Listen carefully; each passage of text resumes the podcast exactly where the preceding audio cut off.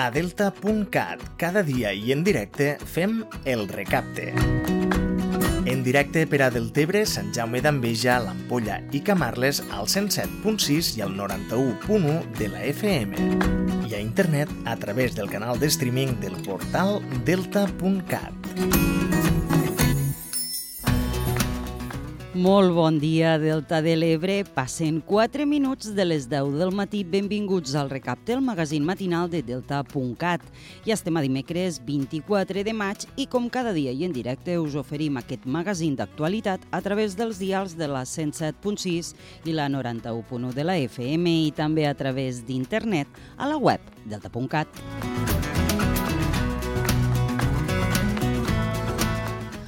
Al recapte d'avui parlem amb Andreu Bertomeu, artista escultor de Deltebre, que ha dissenyat l'escultura Planeta Aigua i que es podrà visitar al Parc d'Escultures Arte Contemporari de la Ràpita. Amb aquesta escultura, Bertomeu ens porta a reflexionar sobre per què en diem planeta Terra si un 70% de la superfície del nostre planeta està coberta per aigua?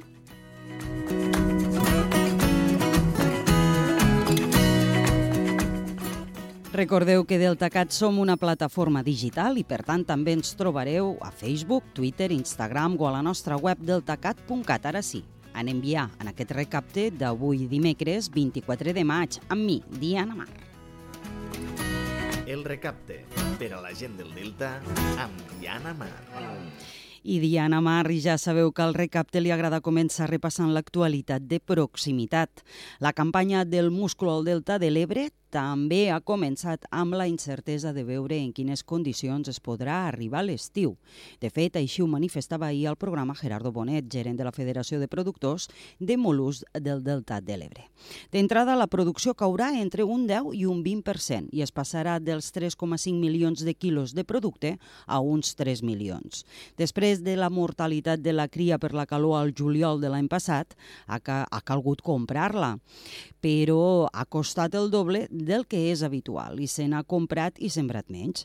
Les restriccions d'aigua als canals de regadiu també es fan notar en el creixement dels exemplars. El percentatge de producte de mida petita ha augmentat. La reducció de les aportacions de l'aigua dolça a les badies ja es fa notar a l'inici de la campanya i el mar té una salinitat mai vista en aquesta època. De moment, els preus també van a l'alça i es ven al públic entre 4 i 5 euros per quilo. L'any passat es venia a 3,8 8 euros per quilo. Tot i això, els costos de producció són tan alts que hi ha productors que tenen dificultats per cobrir costos.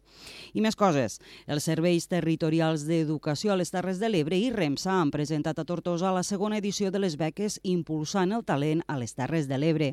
Unes beques que tenen com a principal objectiu premiar els millors alumnes de quart d'ESO de tots els centres de les Terres de l'Ebre. Una crònica de Blanca Querol de Canal T.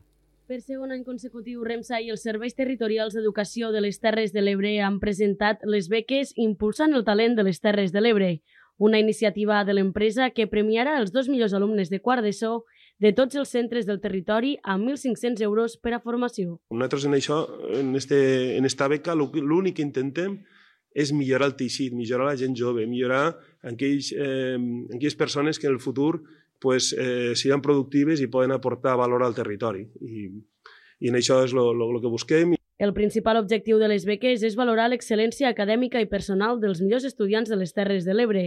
La convocatòria és voluntària i tindrà en compte tres paràmetres. La mitjana de l'expedient, que ha de ser major de 7 i mig, si l'estudiant fa activitats extraescolars i si pertany a alguna associació o realitza accions de voluntariat. Creiem que eh, moltes vegades aquest alumnat no, que, que, que té un currículum excel·lent és doblement mm, compromès perquè, a més a més, fa altres estudis paral·lels o fins i tot aquesta dedicació a, a l'associacionisme del seu poble, no? la implicació, aquest voluntariat, és el que també trobem a faltar no? en aquest món més globalitzat del segle XXI i, per tant, REMSA ha volgut, eh, ha volgut premiar això, no, que no només se quedi amb el talent, amb el talent dels estudis obligatoris. En la primera edició es van formalitzar més de 60 candidatures d'estudiants de secundària del territori. Els guanyadors van optar per destinar les seves beques a continuar la seva formació al Regne Unit i als Estats Units. El termini per presentar-se als premis començarà el 12 de juny i s'estendrà fins al 30 de setembre de 2023.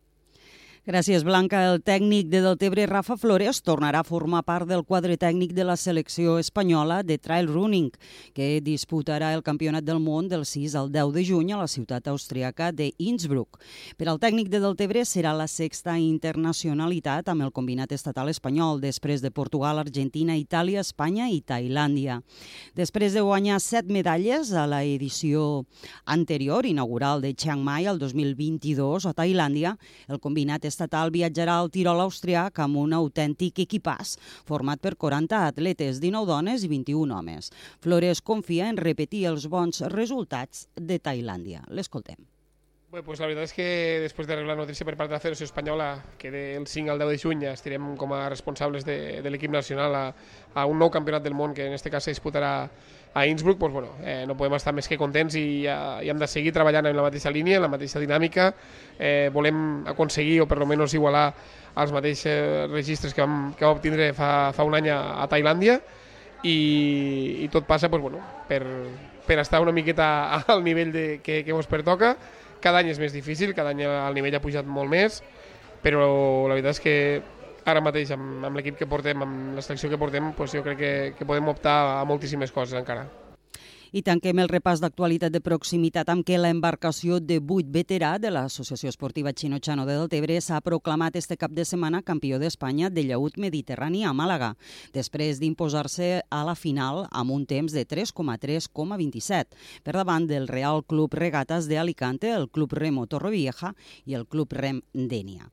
Amb el Campionat d'Espanya, els de Chino-Chano han culminat una excel·lent temporada després de guanyar la Lliga Catalana i el Campionat de Catalunya de llaut Saúd. Esta és la valoració que en feia el president de l'associació Chino-Chano i membre de la tripulació guanyadora Josep Maria Queral. I la veritat és que estem ara mateix que encara no, no, no ens ho creiem. No ens ho creiem. Eh, amb, eh, portem una trajectòria des de començament d'any impressionant en el llagut mediterrani i bueno, hem, hem finalitzat en el Campionat d'Espanya, que era algo a lo que anàvem per, per, bueno, perquè era un honor anar i perquè havíem fet bons resultats durant la Lliga, uh -huh. però que tampoc sabíem que podíem arribar a guanyar-lo. No? I ha sigut bueno, una sorpresa. Sí, sí, bueno, a veure, nosaltres ja sabíem que estàvem fent molts bons resultats, estàvem mirant els resultats també del reste de, de comunitats del litoral mediterrani, eh, que hi ha diverses lligues, està la Lliga Valenciana, la Lliga Murciana, uh -huh. Andalusa, i sí que ens estàvem donant compte que estàvem dins uns temps que teníem possibilitats, però clar, eh, eh, això fins que no et trobes al camp de regates i que cada lloc és diferent, pues no saps ben bé què, què pot passar, no? I, bueno, a mesura que ha anat evolucionant el campionat, des del dissabte, a les eliminatòries, vam anar veient que, que hi havia possibilitats, vam anar avançant, guanyant eliminatòries i, bueno, al final vam poder guanyar la final. Les regates es van disputar en aigües de la platja de la Caleta de Màlaga amb la participació de 35 clubs amb el País Valencià, Andalusia i Catalunya, liderant el nombre de clubs participants. El vot de l'Associació Esportiva Chino Chano del Tebre està formada per Josep Maria Queral, Pedro Queral, Víctor Cavaller, Mariano Cebolla, Alexis Callau, Diego Zaragoza, Dani Subirats, Eugeni Iglesias i Agustí Pagà de Timone. Casa Nicanor t'acompanya en els teus bons moments, per esmorzar, dinar, sopar, berenar o amb un bon cafè. Casa Nicanor t'ofereix el temps.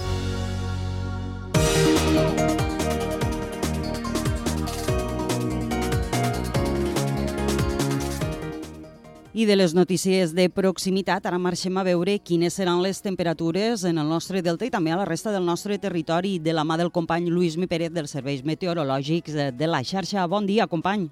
Bon dia. Equador de la setmana que en el cas de les Terres de l'Ebre ha de portar un temps variable, sobretot cap a l'interior, i més sol a prop del mar. De fet, aquest matí més aviat amb algunes nuvolades que aniran apareixent des del mar i, sobretot, al Montsià, amb algun ruixat no gaire destacable, però també molts moments de clariana. Serà aquesta tarda quan tornaran a inflar-se els núvols cap als ports, sobretot amb algun ruixat i alguna tempesta, també en general cap a la Ribera d'Ebre, però seran ruixats dispersos. Arran de mar aquesta tarda més clarianes que no pas una altra cosa, amb vent de llevant o de gregal no gaire intens, per tant el mar que no estarà gaire esvalutat, i la temperatura més o menys com la d'ahir, per tant arribarem a tocar els 25-26 graus de màxima, a viles com Tortosa o Amposta, cap als 26-27 graus a Mora o, per exemple, 23-24 graus de màxima a Gandesa, tot plegat amb un temps que demà sí que serà més resirat.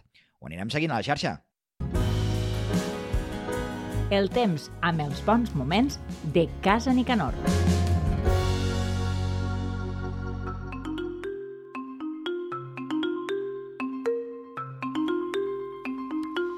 I avancem en aquest dimecres 24 de maig. Anem a repassar les principals portades i portals digitals. Comencem amb l'avantguàrdia. L'arribada d'immigrants fa que Espanya bati el seu rècord de població. El cens s'enfila per primera vegada als 48,19 milions de persones, després de l'entrada de gairebé 150.000 estrangers entre gener i març.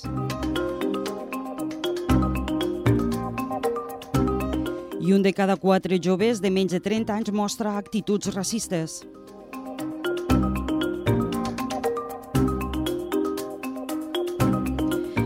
I les matemàtiques proven que, anar, que no anar a votar beneficia els partits petits. Detingut també un conseller de Melilla per la compra de vots per correu. Anem ara a la portada del periòdico. Les agressions sexuals en grup són el 4% del total. La submissió química, un altre fenomen que ha causat alarma social, està present en l'1% dels atacs contra la llibertat sexual.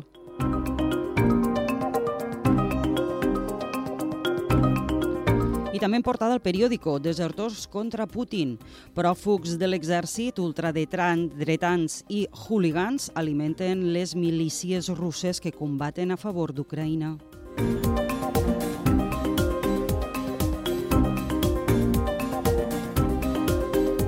I només un de cada tres municipis catalans té pla contra les inundacions. Portada del punt més avui, estat d'abús. El Tribunal d'Estrasburg admet a tràmit el recurs de Sánchez i Turull per, per vulneració de drets. L'advocacia de l'Estat haurà d'explicar per què els va impedir ser al debat d'investidura.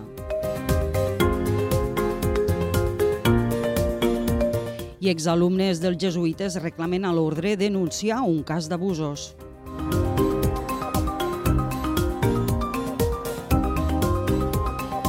Tanquem el repàs amb les principals portades amb el diari Ara, on en portada porta les denúncies per agressions sexuals creixen un 20% i també l'últim debat augmenta l'atenció de la campanya TV3. En portals digitals 324, com no, Trias i Maragall pugen el to davant de Colau i Collboni, que es mantenen a la defensiva. La, modalitat, la, la mobilitat i la seguretat enfronten els set candidats a l'alcaldia de Barcelona en el debat de TV3.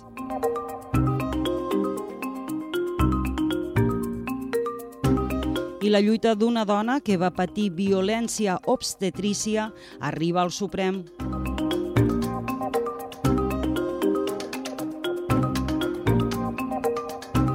La pagesia es manifesta a Barcelona pel tancament dels canals del Segre.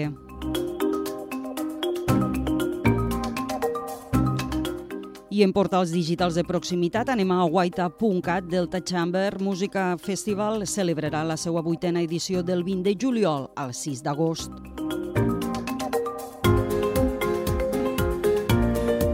I tornen les jornades gastronòmiques del Llagostí al Canà i les Cases del 27 de maig al 18 de juny.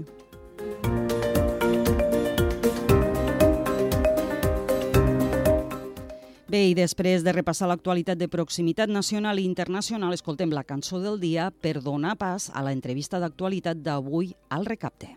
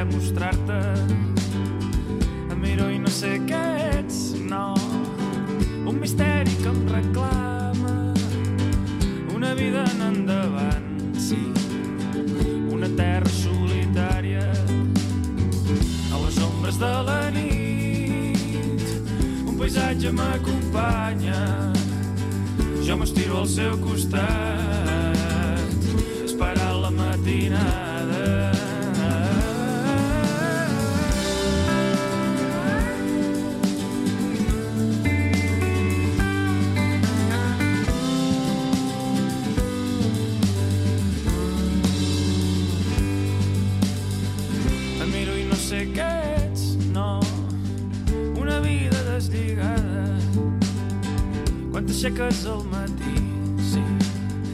Ja comences a esverar-te i ara trobo que pregunto què haig de fer, però si jo ja ho feia. I et demano què haig de dir, però si jo ja ho deia. I et demano com s'hi va, i jo ja ho sabia. Cada cop et miro més.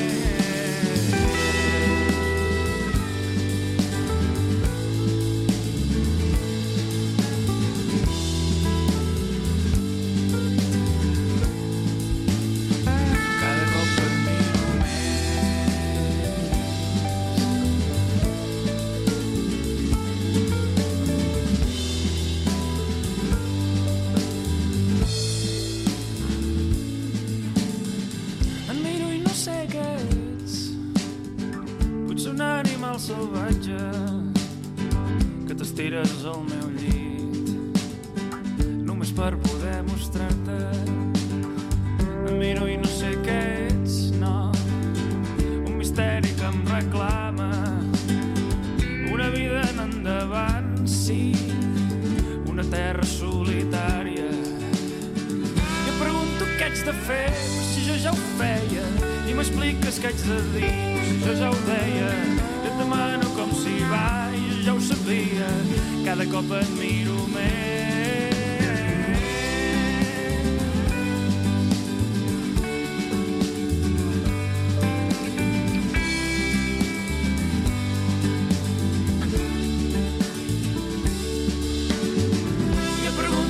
De fer, si jo ja ho feia. I et demano què haig de dir, si jo ja ho deia. Com s'hi va, jo ja ho sabia. Cada cop et miro més.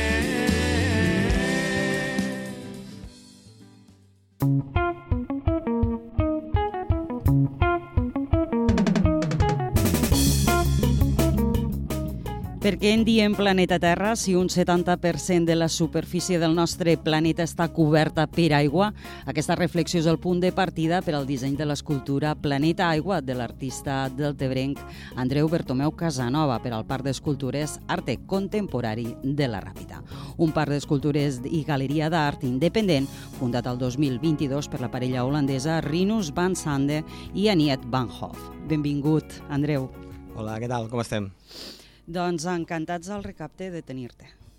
Bé, jo també estic molt content de, de que m'haguéssiu convidat, de poder vindre aquí i explicar-me, no? perquè a vegades és també una manera de, de donar-se a conèixer i d'explicar les inquietuds que un té i, i jo crec que l'art és eh, principalment és aquesta idea d'influir, no? Mhm. I, I a mi, per exemple, m'apassiona molt l'art perquè m'inspira i, i poder pensar que algú es pot inspirar en la meva obra o, en, o inclús en les meves paraules, pues, per a mi és un, estic a disposició total de, de, lo que poguéssim, de lo que poguéssim conversar avui. Quan avui estava preparant l'entrevista, bueno, ahir estava preparant l'entrevista, me'n vaig adonar de que eh, quan et presentaven, et presentaven com a escultor.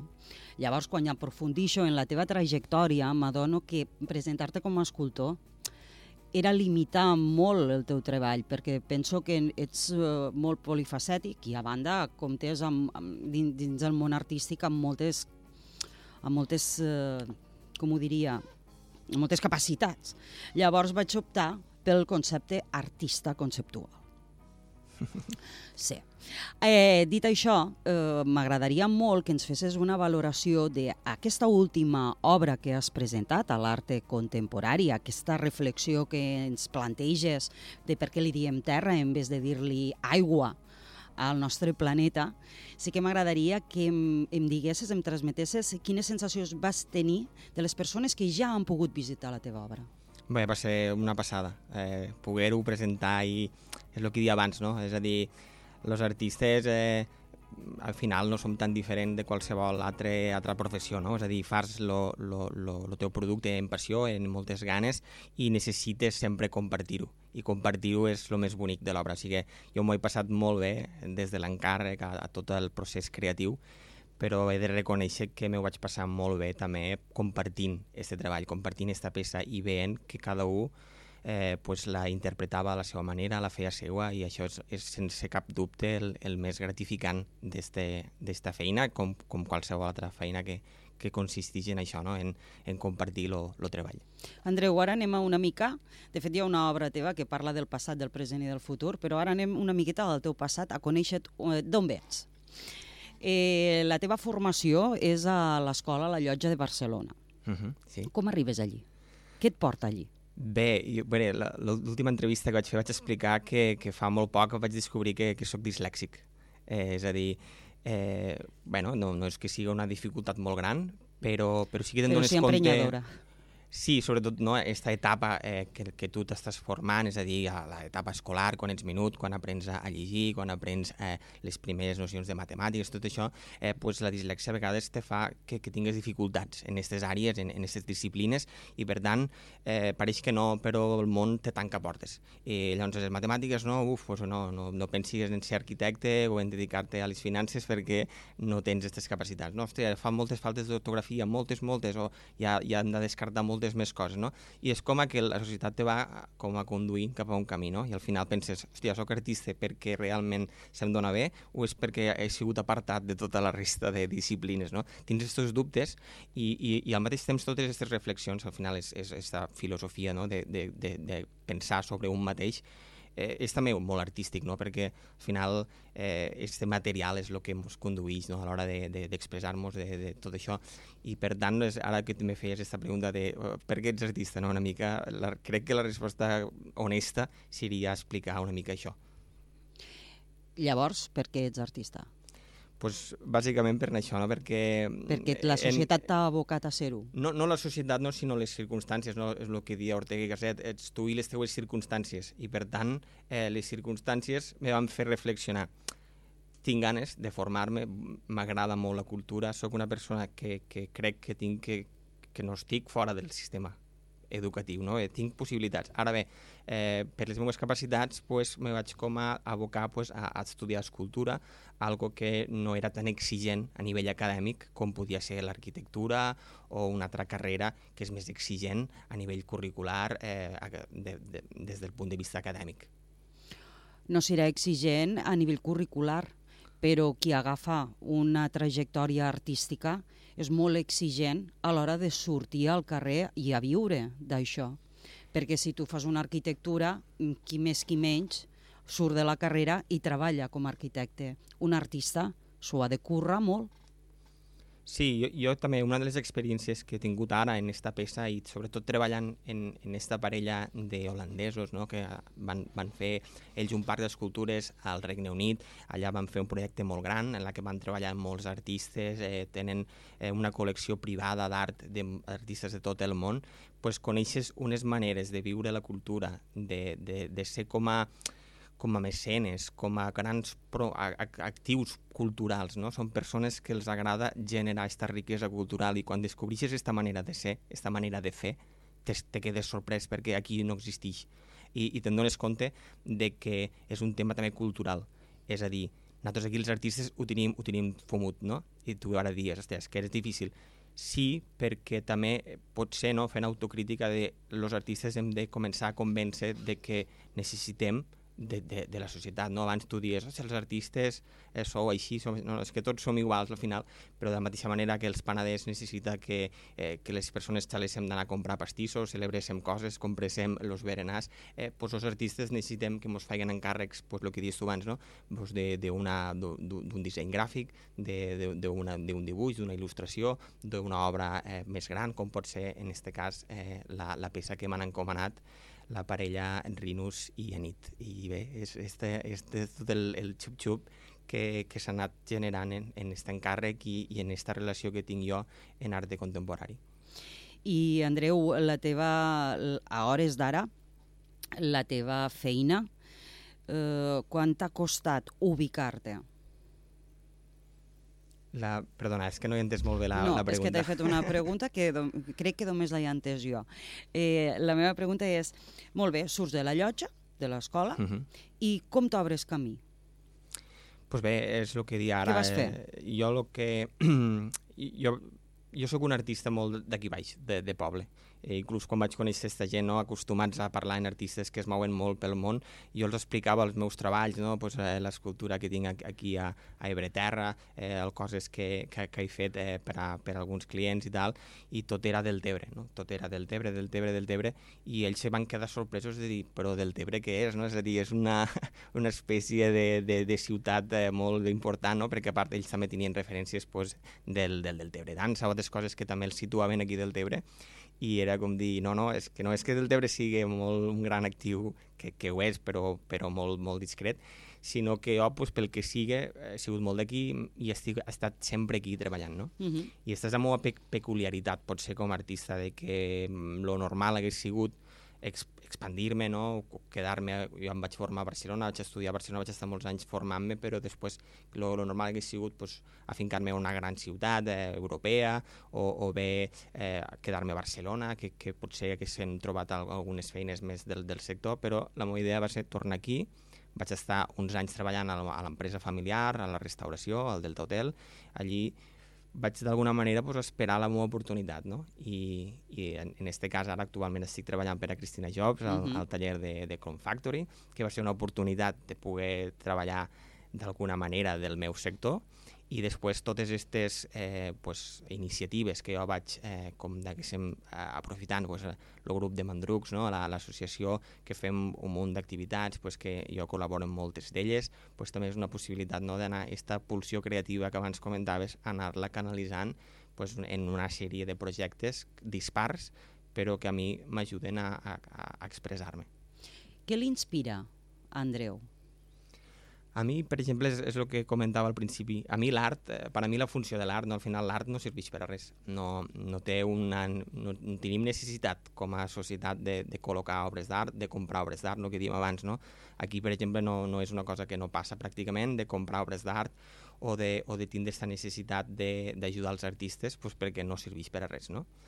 però a mi personalment l'art m'estimula, me, me, me dona ganes de crear, m'inspira i jo crec que la inspiració és algo valu molt valuós, no? I, I per tant, quan jo veig un artista que a mi m'inspira, intento fer obres que inspiriguen a, a les persones que, que les observen. Ara que parlaves d'inspiració, eh, en algunes ocasions, pel que he pogut llegir, la pròpia lectura t'inspira. Sí, bueno, hi ha alguns dibuixos que faig que, que estan això, no? pues inspirats per algunes lectures que faig i, i m'agrada també compartir-les, no? I, i és una manera...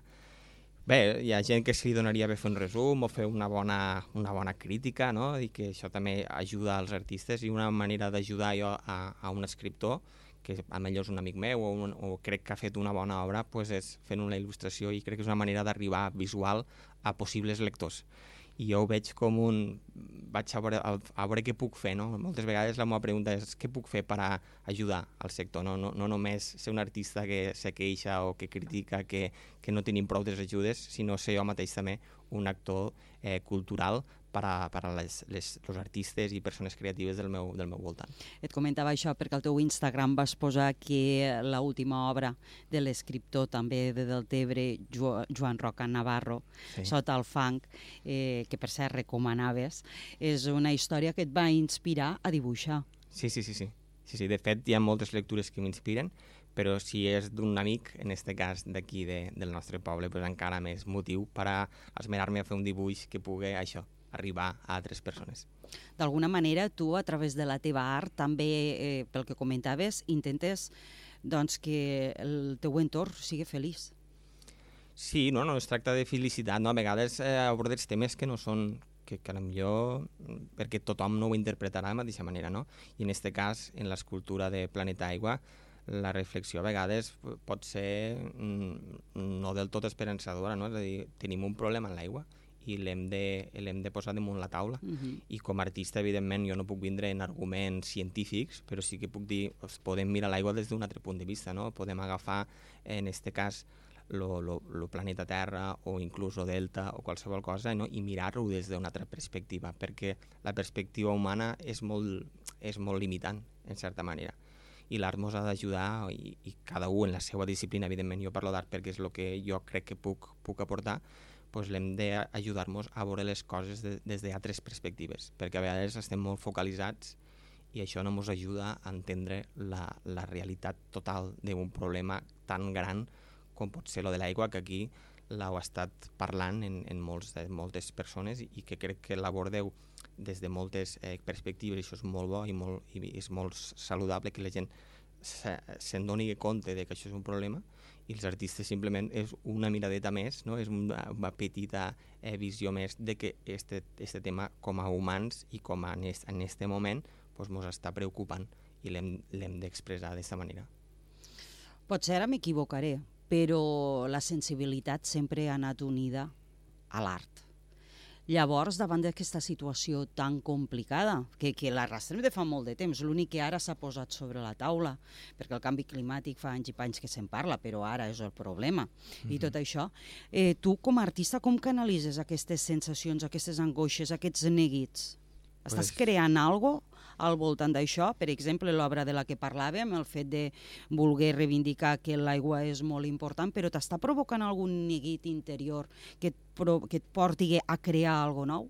Sí, sí, totalment. El motor creatiu al final són les inquietuds pròpies, no? I hi ha inquietuds que són molt personals, que apareixen a l'obra, que són ja més anònimes en aquest cas, i també aquestes inquietuds que són més globals, que són més, eh, diguéssim, de la societat i que també intentes que apareguen a la teva obra però un artista no és una persona que crea un discurs o, o que fa una narrativa sobre un problema, sinó que fa una peça. I la peça té este poder, no, com la poesia, de ser interpretable de, de múltiples maneres. I jo crec que aquesta és la força, al final. No és dir, mira, el problema és este i la solució és esta. No, no tenim aquesta capacitat, però sí tenim la capacitat de eh, intentem mirar-ho des d'altres punts de vista, intentem donar-li la volta, eh, intentem, no, en aquest cas de Planeta Aigua, de dir, li diem planeta Terra perquè som humans i uh -huh. com a humans vivim a la Terra, però no és la superfície més gran del planeta, no? Però aquesta perspectiva humana ens fa dir som el planeta Terra. Llavors és, és sortir d'esta perspectiva a vegades, no? I de dir, hi han coses que no ens afavoreixen a nosaltres, però que també afecten a altres, a altres espècies o a altres eh, circumstàncies. Això és, és este, esta mirada potser més, més allunyada de, de la nostra pròpia perspectiva i en aquest cas pues, abordant l'aigua al principi era com dir vaig abordar l'aigua perquè ells me fan un encàrrec que és volem una font no? volem... Mm. llavors jo dic, bueno, però l'aigua, si és una font i està l'aigua, l'aigua té que tindre a, a, algun motiu, no, no, no pot sentit. estar allí com un afegit perquè no tindria sentit per a mi, discursivament. Llavors, va ser quan vaig començar a, a pensar en tot aquest tema de l'aigua i me'n vaig donar compte de que l'aigua només se pot abordar des d'un punt de vista global que no té sentit abordar-la des del punt de vista del delta, que per exemple el delta sense aigua eh, seria un delta que no existiria, eh, però, però claro, és que l'aigua no, no és un problema nostre d'aquí. Però un no, món no, sense no, aigua tampoc correcte, existiria. No, no ens podem mirar al milic i dir, ostres, vivim aquí, tenim un problema a l'aigua, sinó que és un problema molt més globalitzat i per tant ho, ho interpreto en aquesta obra en què apareix una, un mapa mundi i fent referència a tot el nostre planeta i, i fent referència que som un planeta d'aigua. Ara comentaves això, no?, d'aquesta perspectiva limitant de l'ésser humà. Eh, L'art te dona eh, certa tranquil·litat o t'allibera d'aquesta limitació intrínseca a l'ésser humà? No, home, la limitació humana sempre la tenim i la perspectiva sempre és, eh, no, no ens podem desfer d'ella, simplement podem reflexionar sobre ella. L'art ajuda a reflexionar. I, i jo penso que, que l'art ens pot ajudar a mirar les coses d'una altra manera. És a dir, no és com, com, este, com el cubisme, no? que intentava ensenyar-te totes les parts d'una cara, mm. encara que fos una, terra, una tela plana. És una mica això, no? és com a dir, intenta mirar les coses des d'altres punts de vista no? i jugar també en la forma, jugar en, en este cas, per exemple, el mapa, no? que és una, una de les coses que jo agafo per a treballar. El mapa és una invenció humana, el mapa no existeix eh, per a un animal, un mapa no té cap sentit. És una abstracció en realitat.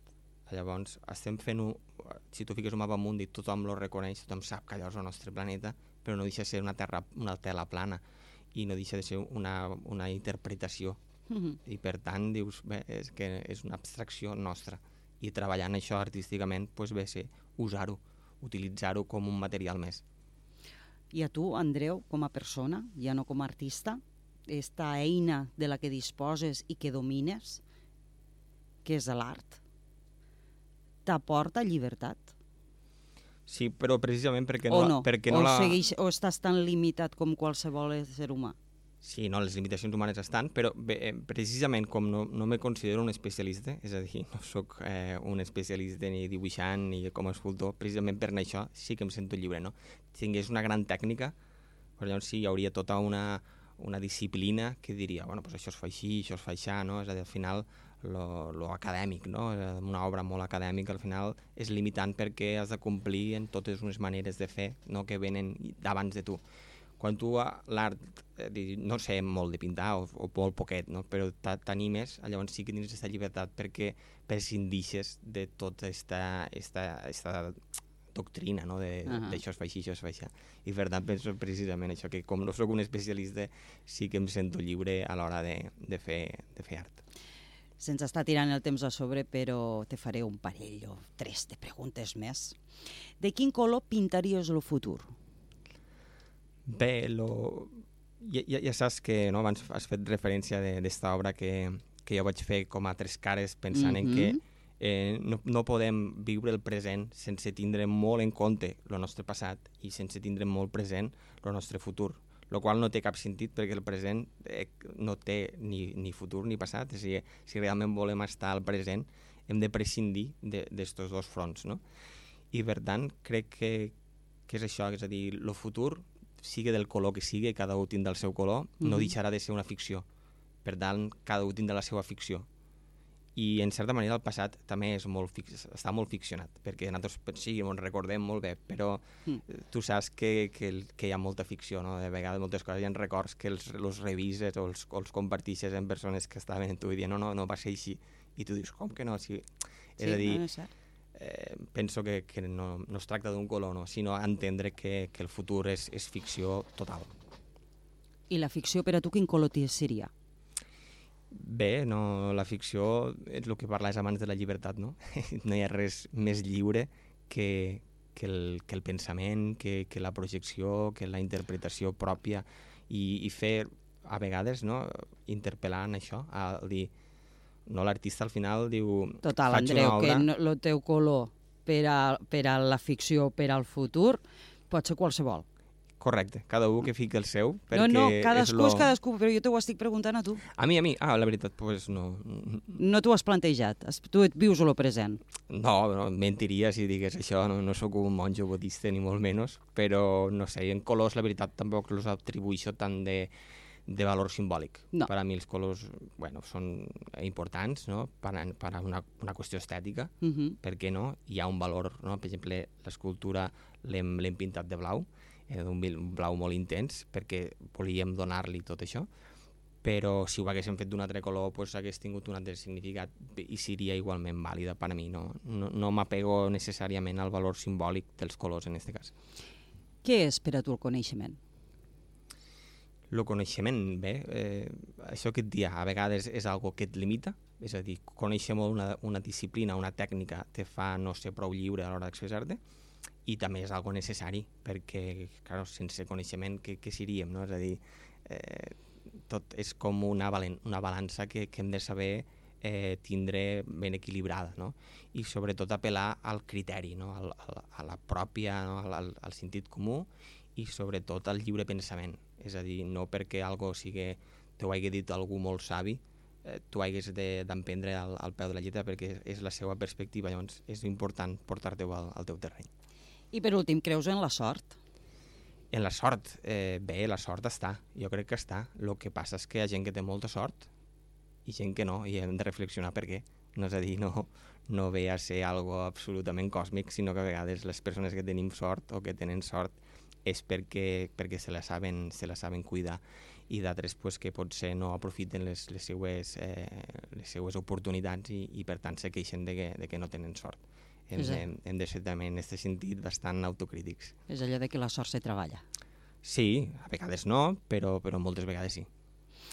Doncs Andreu Bertomeu, sabia que no em decepcionaries en absolut amb aquesta entrevista. Moltíssimes gràcies per venir. Espero tenir-te moltes més vegades aquí a Delta.cat i aquí al Recapte per parlar de totes aquelles obres que exposies. Ara anem a Arte Contemporari de la Ràpita per poder veure la teva obra mm, allí davant mateix i poder reflexionar sobre aquesta pregunta que ens planteges pues moltes gràcies per haver-me convidat i això animar la gent a, a visitar la, la col·lecció d'arte contemporani que val, val molt la pena d'anar a a veure.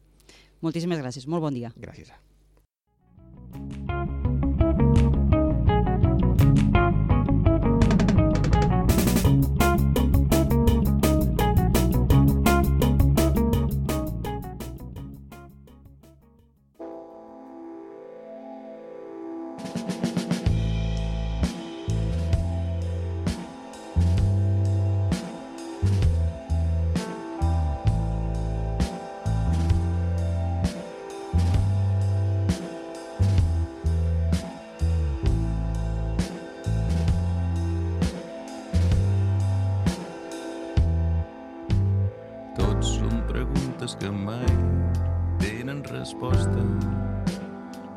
sé per quina absurda mà se sent un violí. Perquè et fa mal?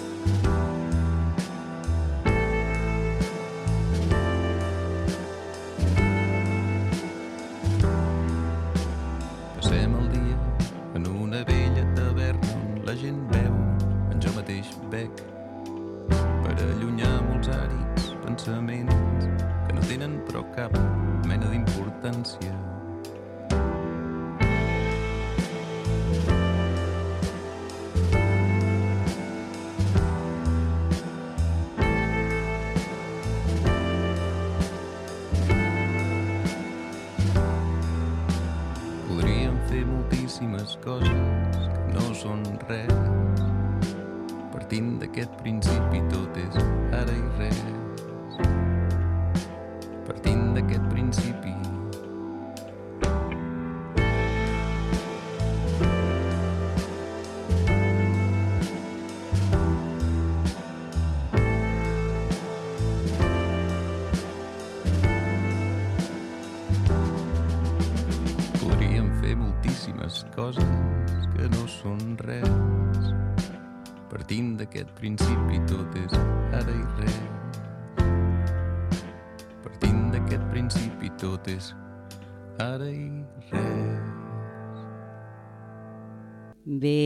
fins aquí el programa d'avui dimecres 24 de maig. Recordeu que podeu tornar a escoltar les entrevistes de les seccions a través de la nostra web deltacat.cat o a través de les nostres xarxes socials. Nosaltres tornem demà amb més actualitat del Delta i de la resta del nostre territori. Que passeu, com sempre us dic, molt bon dia.